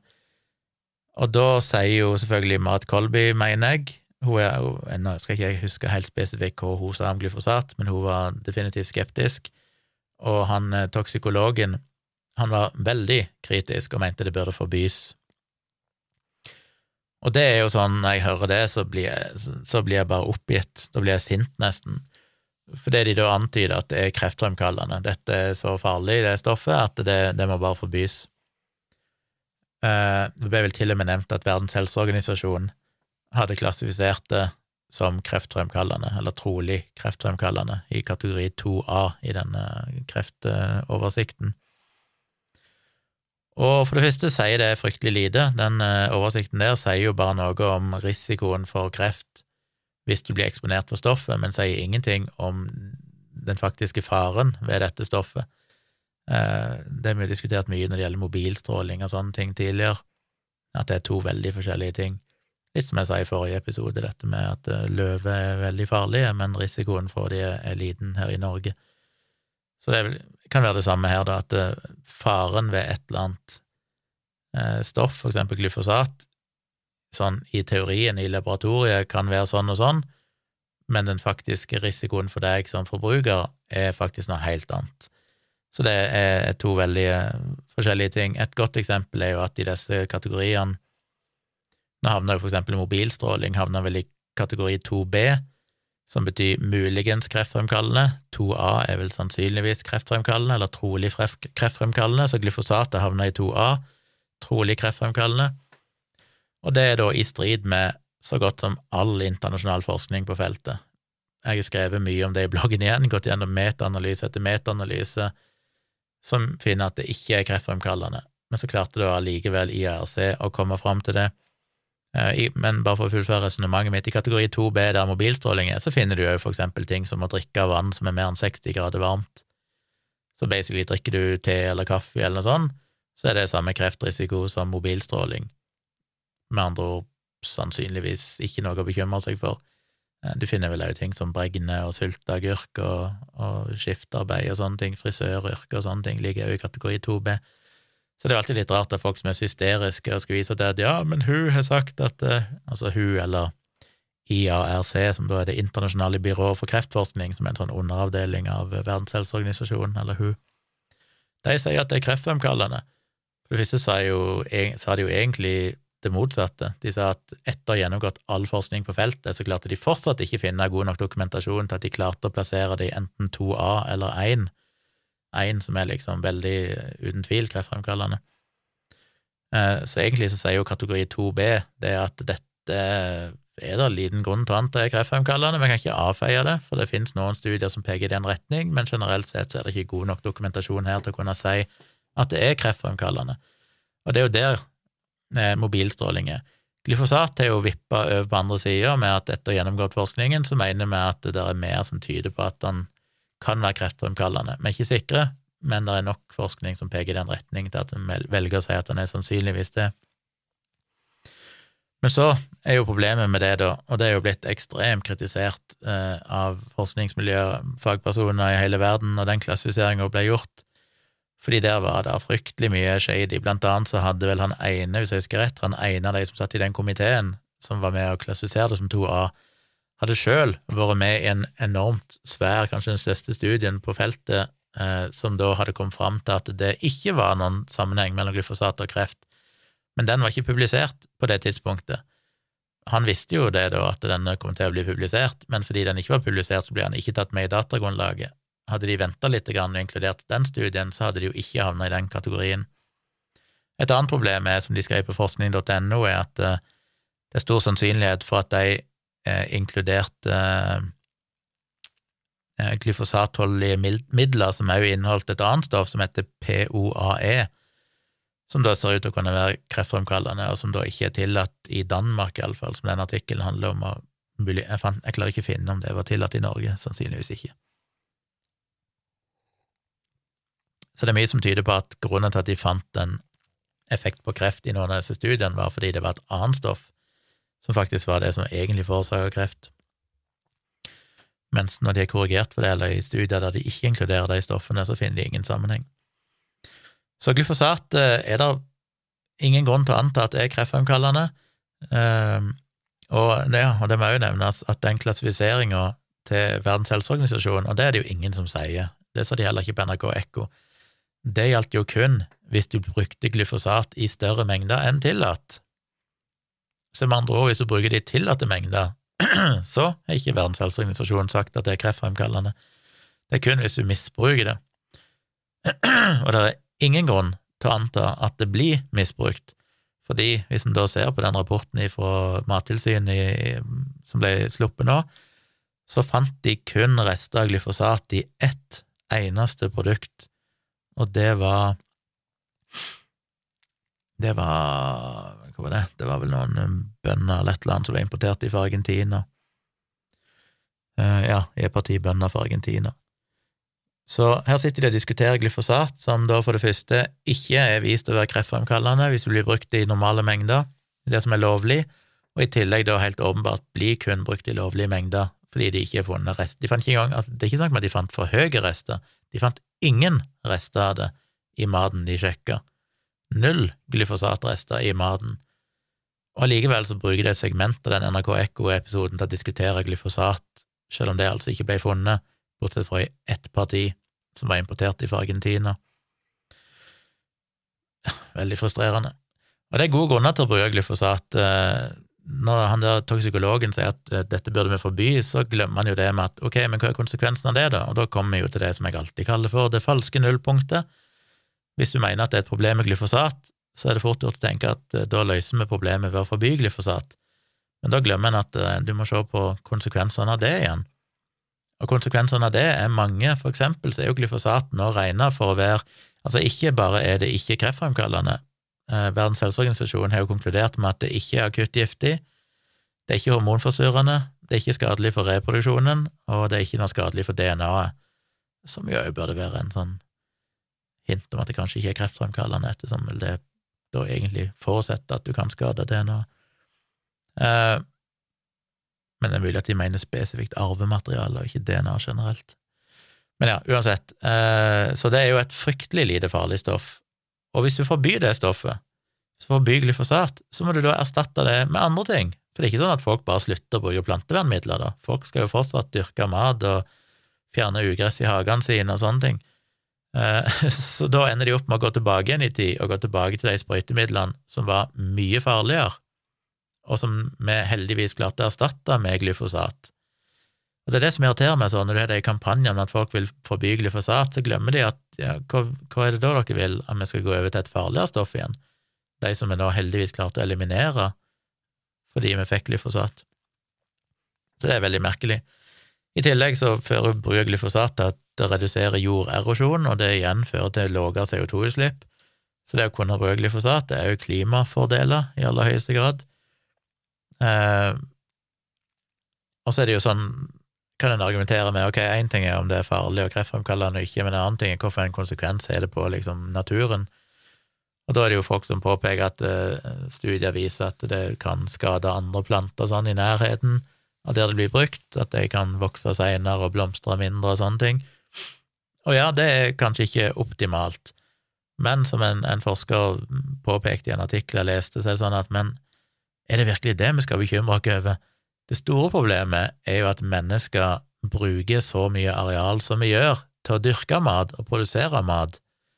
Eh, I denne artikkelen som handler om Danmark, så påpekte de at de, de brukte allerede 60% av arealet i Danmark er i dag i bruk til å dyrke mat. Og hvis vi da ikke skal bruke sprøytemidler, hva skal vi da gjøre? Jo, da blir det jo økologisk produksjon, da. Men økologisk produksjon bruker jo omtrent dobbelt så mye areal. Og jeg vil jo all, i aller høyeste grad si at det å bruke mye mer areal er mye verre for økosystemene, for dyrene, enn det at noen planter i grøftekanten der det er brukt glyfosat, kan vokse litt seinere. Og da kommer en jo tilbake til det spørsmålet som ble drøfta i den artikkelen på Our World in Data, som sier at ja, konvensjonell dyrking kan ha større effekter på insekter og, og planter, kanskje. Her er jo stridig jo de lærde til en viss grad, men det er nok sannsynlig at uh, på en del områder så er det selvfølgelig mer negativt når du bruker disse sprøytemidlene. Men det blir jo brukt på et mye mindre areal, fordi det er så mye mer effektivt å drive med konvensjonell dyrking. Hvis en kutter ut det og går til økologisk, så ender du kanskje opp med en mindre belastning på det arealet du bruker, men du må til gjengjeld bruke kanskje dobbelt så mye areal. Og hva er det verste for økosystemene? Hva er det verste for, eh, for naturen? Vel, jeg vil jo definitivt si det siste, selv om det er sikkert lov å være uenig i det. Men jeg synes jo det er et godt poeng, da, at, uh, som en ofte glemmer, at det er så lett å snakke om å droppe som de, Både han toksikologen og Marit Kolby var veldig sånn at vi må egentlig omtrent mer eller mindre forby alle sprøytemidler for redusert det, og, og bare gå over til økologisk. Og så glemmer de det at det er fryktelig mange andre ting som spiller inn her enn bare økologisk. Eh, eller bare sprøytemidler.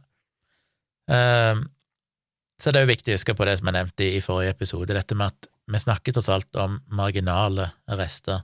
Omtrent halvparten av maten har ingen rester i det hele tatt. Den halvparten som har det, har mikroskopiske rester. Eh, langt under grenseverdiene, og grenseverdiene er igjen satt langt under der en har funnet at det faktisk er farlig. Og da fant jeg en interessant analyse som så på en amerikansk studie som så på de ti mest brukte plantevernmidlene i USA, og så så de på eh, de, de mest vanlige maten folk spiste, og fant at når du da målte restene av de mest brukte plantevernmidlene i den mest spiste maten, så lå de på rundt én million ganger lavere enn det de har observert skadelig effekt av. Så én ting er jo disse skrekkhistoriene med disse enkelte stikkprøvene som er funnet høye rester Eh, eller høye, som er funnet rester i det hele tatt, og disse kanskje to prosentene omtrent som er funnet at de overskrider grenseverdiene. Men igjen så er jo det grenseverdier som er satt basert på an, nei, akseptabelt daglig inntak. Det vil si, det er den grenseverdien du kan få en skade hvis du spiser eller inntar så mye hver eneste dag resten av livet ditt. Det er et helt liv. Så ikke bare er disse verdiene, og det er da satt med sikkerhetsmarginer på alt fra 100 til 1000, sånn at det, de grenseverdiene er 100 til 1000 ganger lavere enn der en har sett noen skader, og det krever at du spiser det hver dag. De færreste spiser denne maten hver eneste dag, så det allerede der kan du da eh, dele det på et ganske høyt tall, sannsynligvis, for mye av maten her spiser du kanskje en gang i uka eller noen ganger i året. Eh, så, det, det liksom, så, så den er opp med at i praksis så får du i deg mengder som kanskje da ligger en million eller sånn ganger under det som faktisk er farlig. Og når du hørte på det programmet på NRK Ekko, så var det jo sånn at jeg fikk lyst til å bare slutte å spise mat. For jeg har aldri hørt et program med mer skremselspropaganda enn det. Det var helt grusomt og helt på grensa til uansvarlig. Det var helt sjokkerende at ikke de hadde minst én person til som kunne faktisk snakke litt om forskning og vitenskap istedenfor at kun hun fra Mattilsynet, som i tillegg var syk, og ikke var til stede i studio på grunn av at hun var syk, skulle prøve å liksom forsvare vitenskapen i dette her, mens de andre satt og da basically bare lirte av seg ting som ikke er sant. Sånn som de påstandene om, om, forskningen som viser at økologisk gir deg bedre helse, som jeg, jeg nå håper jeg har vist, på ingen selvs måte dokumenterer det. og har enorme svakheter som hun ikke trekker fram. De sier ingenting om konsekvensene av å kutte ut sprøytemidler eller å velge økologisk mat med tanke på klima.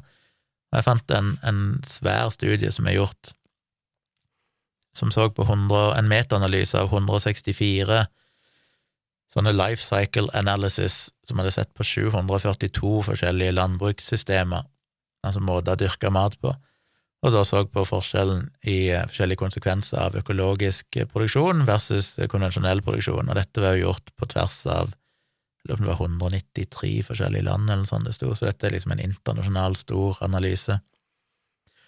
Og de er delt opp da i eh, kornprodukter, i eh,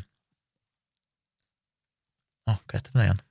Belgfrukter og eh, et eller annet, oil crops, litt usikker på det er Eh, i frukt, i grønnsaker, i eh, melkeprodukter og egg, og i kjøtt.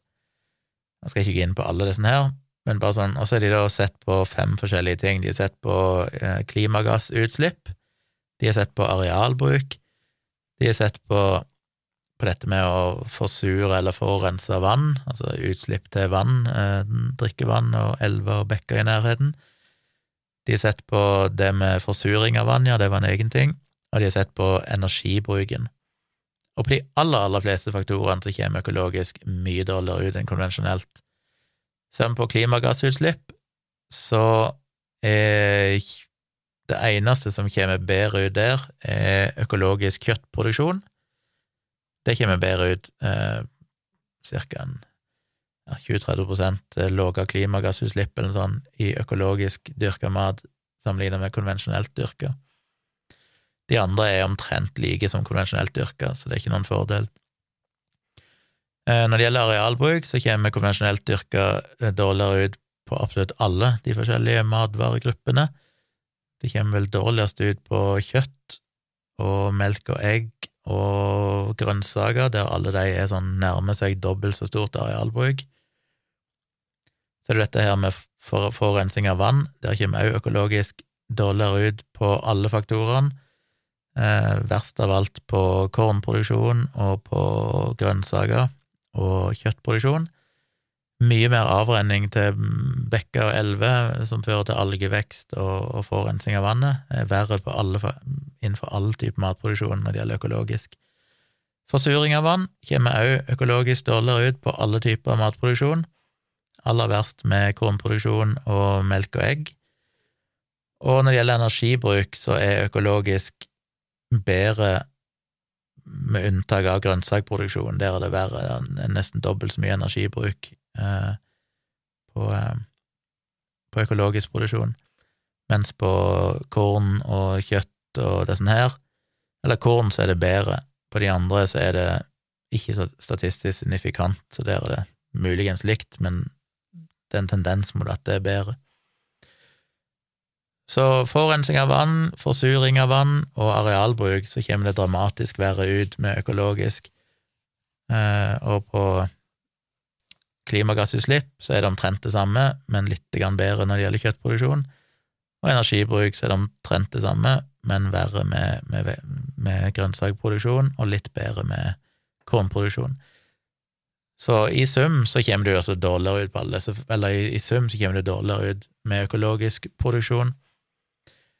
Eh, og så er det jo studier, andre studier som mener at det er vesentlig mer klimagassutslipp og sånn, og en kan sikkert diskutere og blir sikkert ikke enig om det på en stund, men dette er jo da iallfall en, en metaanalyse basert på 164 sånne studier, så den bør jo ha ganske robuste resultater, håper jeg, i den grad disse studiene som er tatt med, faktisk har høy nok kvalitet. Men jeg trekker fram den bare fordi den er i tråd med det som jeg har fått med meg i løpet av de siste 10-15 årene jeg har prøvd å følge med på dette, så er det jo den, den, det som er greia. Og for meg så er nok det med landbruk arealbruk det verste av dette her, som jeg har sagt mange ganger.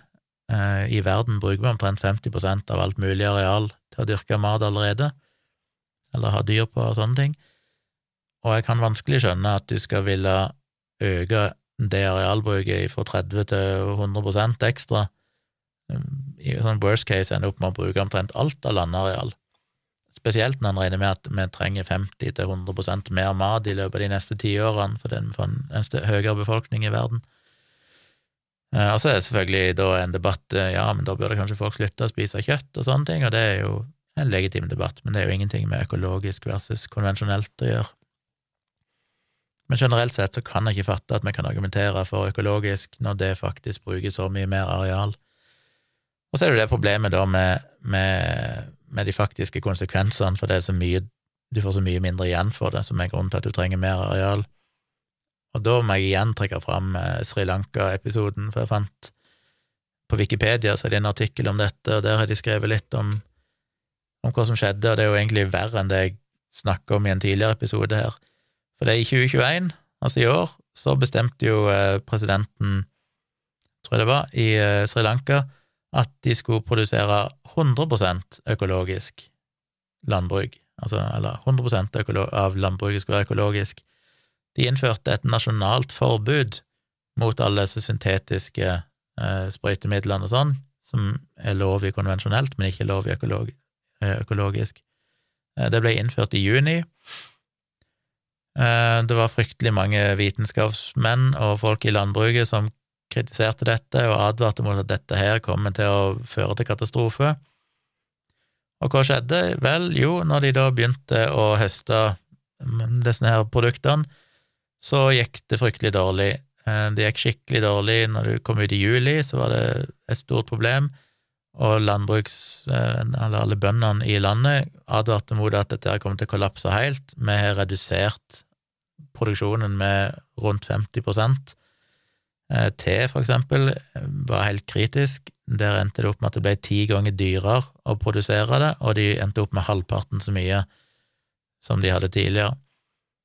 90 eh, av gårdene da var helt avhengig av å få på økologisk gjødsel, som betyr de kan ikke bruke kunstgjødsel, de må liksom bruke økologisk gjødsel, og det kan da enten være holdt på kubæsj eller altså den type gjødsel, og en kan jo bruke enkelte planter og sånn som en legger på, og som råtner og sånne ting, eh, på jordene, men det er veldig ineffektivt og sånn. Og problemet er jo det at eh, du trenger jo å få denne eh, gjødselen ifra store gårder, som da gjerne produserer konvensjonelt, fordi hvis alle skal produsere økologisk, så klarer du ikke å produsere nok gjødsel til at du òg kan da samtidig holde liv i landbruket så da må du begynne å importere gjødsel, og det er vanskelig, for alle landene trenger det sjøl, og så videre. Så det var jo total katastrofe, og det endte jo opp med at eh, ja, i, i landet så er det mye av maten som er blitt mer enn dobbelt så dyr allerede, det er blitt vanskelig å få tak på mye av maten, og nå i september så endte regjeringa opp med å erklære en økonomisk krise, for det ble bare verre og verre. Eh, inflasjon, høye matpriser, Eh, hjalp jo selvfølgelig ikke med pandemi i tillegg, som gjorde at eh, reiselivsnæringen eh, stagnerte fullstendig. Og i midten av oktober så endte de opp med å stort sett oppheve dette forbudet mot sprøytemidler og sånn, fram til de iallfall kunne klare å skaffe seg nok økologisk gjødsel til at de kunne gå tilbake igjen til økologisk produksjon, som nok kanskje er i stor grad en, en, en urealistisk drøm. Så det er jo konsekvensene og som jeg nevnte tidligere, da, så er det jo sånn, og det er vel stort sett alle enige om, at økologisk matproduksjon kan ha sin plass på noen områder i liten skala, eh, men den ideen om at du skal skalere det opp i vesentlig grad, og iallfall at du skal kunne gjøre det i 100% av all produksjon, eh, er jo en fantasi. Altså, det er helt løsrevet fra virkeligheten, for det vil ikke være mulig å gjennomføre i praksis. Og det blir jo selvfølgelig heller ikke nevnt av eh, Kolby og Økologisk Norge og denne gjengen, som er mer bare opptatt av å se på hva det vi kan finne som er negativt med konvensjonelt dyrka mat, og så sier vi ikke så mye om at det egentlig ikke er realistisk å faktisk erstatte dette med økologisk. Så ja, det er provoserende. De var jo innom eh, bisfenol A, eh, for de snakket jo om lekkasje fra emballasje, og det er jo sånn, det blir fremstilt som forferdelig farlig, og det er liksom ikke måte på. Og dette har jeg jo blogga om tidligere, derfor så går det jo med en gang noen røde flagg hos meg som tenker at hvorfor sier de det? Når de sier sånne ting, så blir jeg bare skeptisk, for da tenker jeg at dette er propaganda. Dette er ting de sier fordi folk flest ikke vet bedre, eh, og så, er, så promoterer det deres agenda. Og bisfenol A er det veldig stor uenighet om hvor farlig det er, jeg er fortsatt ikke enig, men det ble jo gjennomført en stor analyse i EU som ble publisert i 2015, og der mente de å kunne finne skader på enkelte ting, kanskje primært nyre, tror jeg det var, noe sånt, og de endte opp med å senke grenseverdiene eh, ganske betraktelig. Og da ble grenseverdien satt med en sikkerhetsmargin på 150 ganger, altså 150 ganger lavere enn der en hadde sett eh, helseskader i dyreforsøk. Men det betyr jo òg at eh, sjøl før de senka grenseverdien, så lå han jo fortsatt eh, omtrent hva det tolv ganger lavere enn der de hadde sett helseskader. Så det blir litt sånn ja. Eh, jeg er jo helt enig i at hvis de finner at det er farlig, så skal en senke grenseverdien. Det sa jeg i forrige episode òg. Det er ikke som at jeg er pro mest mulig sprøytemidler, jeg er pro minst mulig sprøytemidler.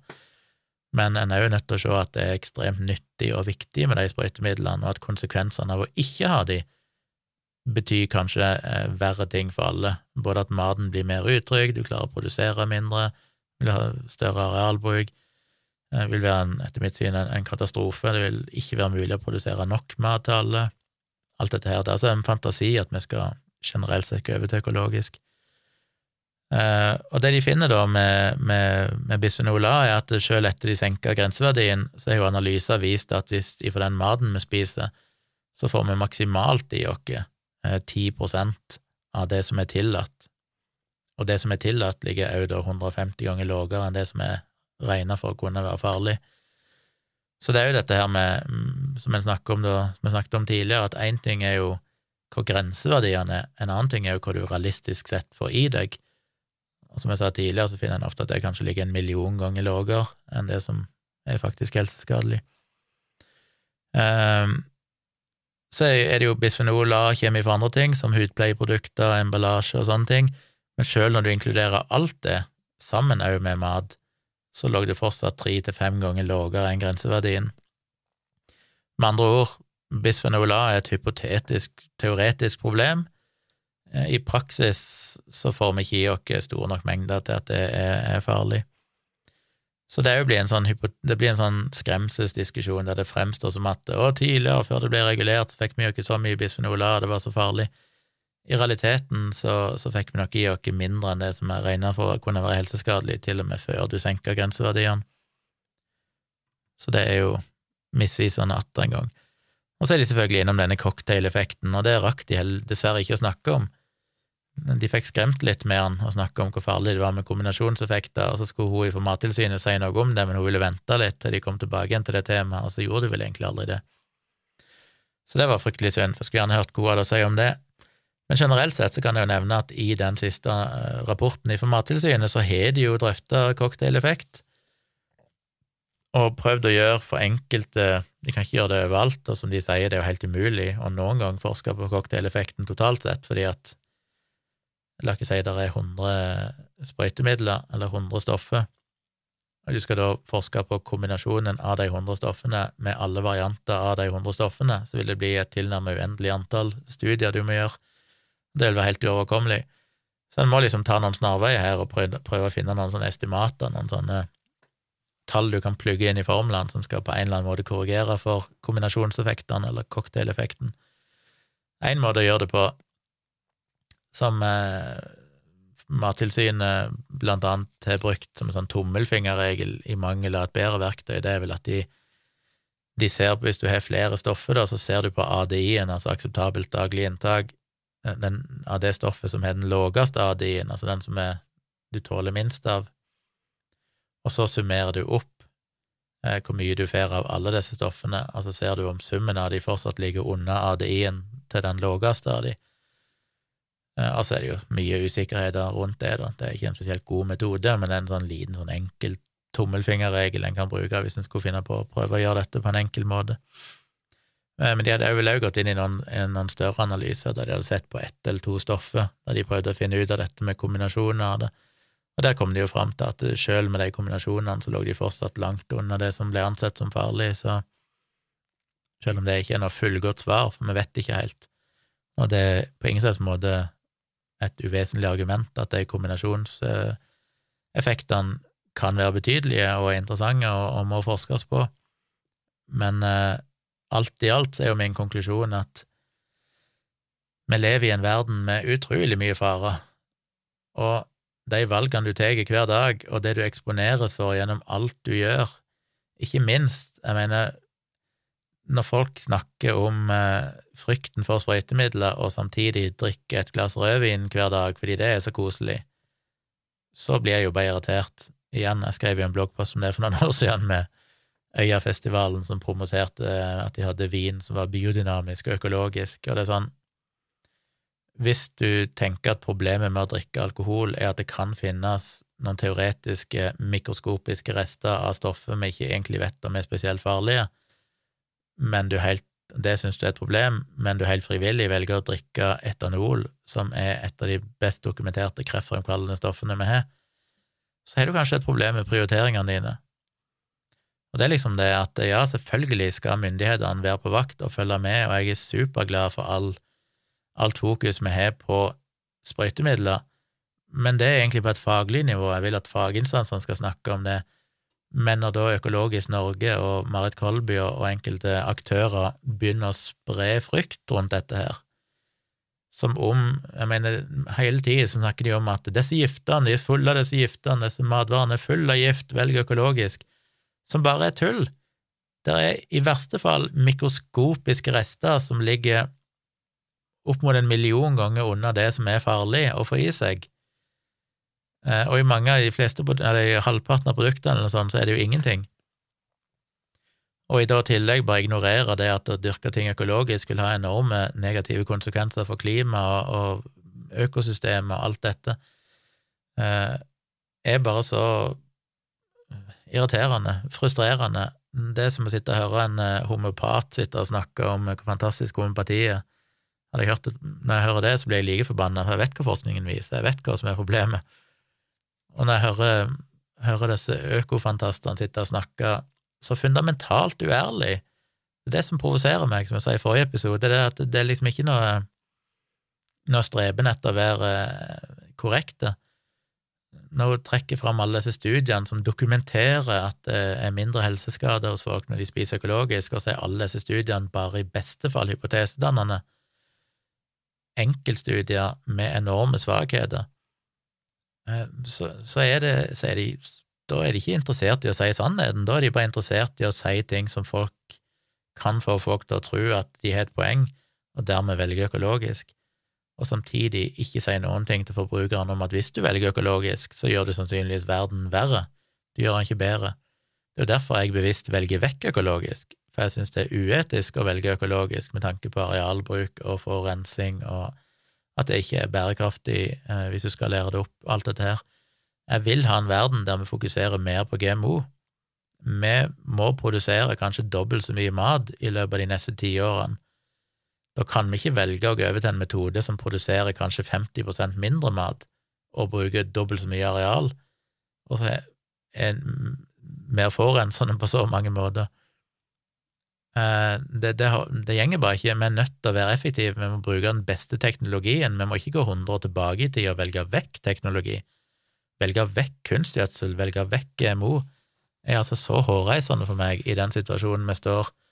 Det er litt som eh, Greenpeace, som eh, er motstander av atomkraft. Det er sånn, Her har vi atomkraft, som kunne ha vært en, et, et, svar på klimakrisa, men av en eller annen fanatisk ideologisk grunn så vil de gjøre det verre for oss, bare for å tviholde på det, den motstanden mot atomkraft.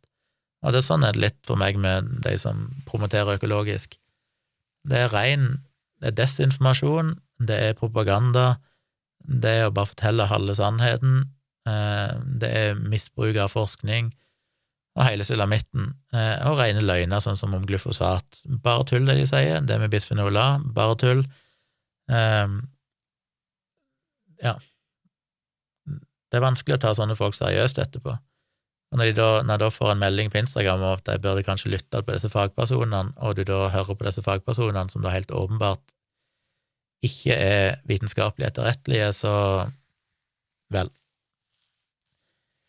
Jeg skal ikke rante mer, jeg ranter lenge nok, folkens. Eh, som vanlig tar jeg imot tilbakemeldinger på eh, tompratpodkast.gmail.com.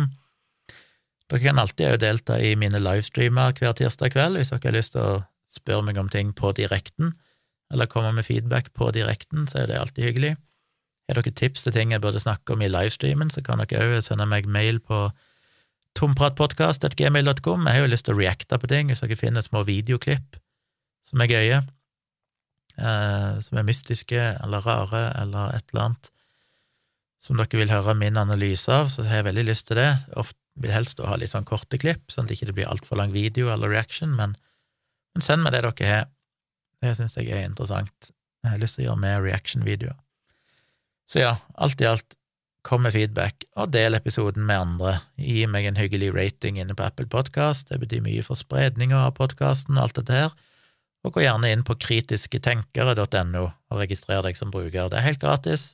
Delta i vitenskapelig debatt med andre kritiske tenkere, eller bare følg med passivt og les.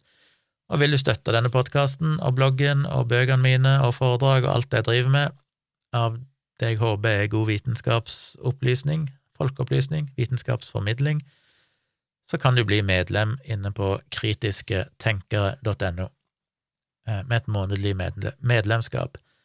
Du kan òg gå inn på patrion.com slash tjomli hvis du heller vil støtte meg der. Det er basically samme sak, bare at det er litt gøyere på kritisketenkere.no, for da kan du delta i et forum og diskutere, det litt mer aktiviteter. Så en av de setter jeg veldig pris på. Uh, ja, da skal jeg holde kjeft, jeg må legge meg, jeg skal kjøre dattera mi til skolen i morgen tidlig. Det er jo ganske nytt for meg. Så da må jeg få meg noen få timer søvn. Takk for at du hørte på så langt og lenge, og jeg håper du ble litt klokere, kanskje. Uh, har du spørsmål, var jeg uklar, fyr av gårde en mail, så skal jeg prøve å oppklare det i neste episode. Og inntil da så får dere ha ei god helg.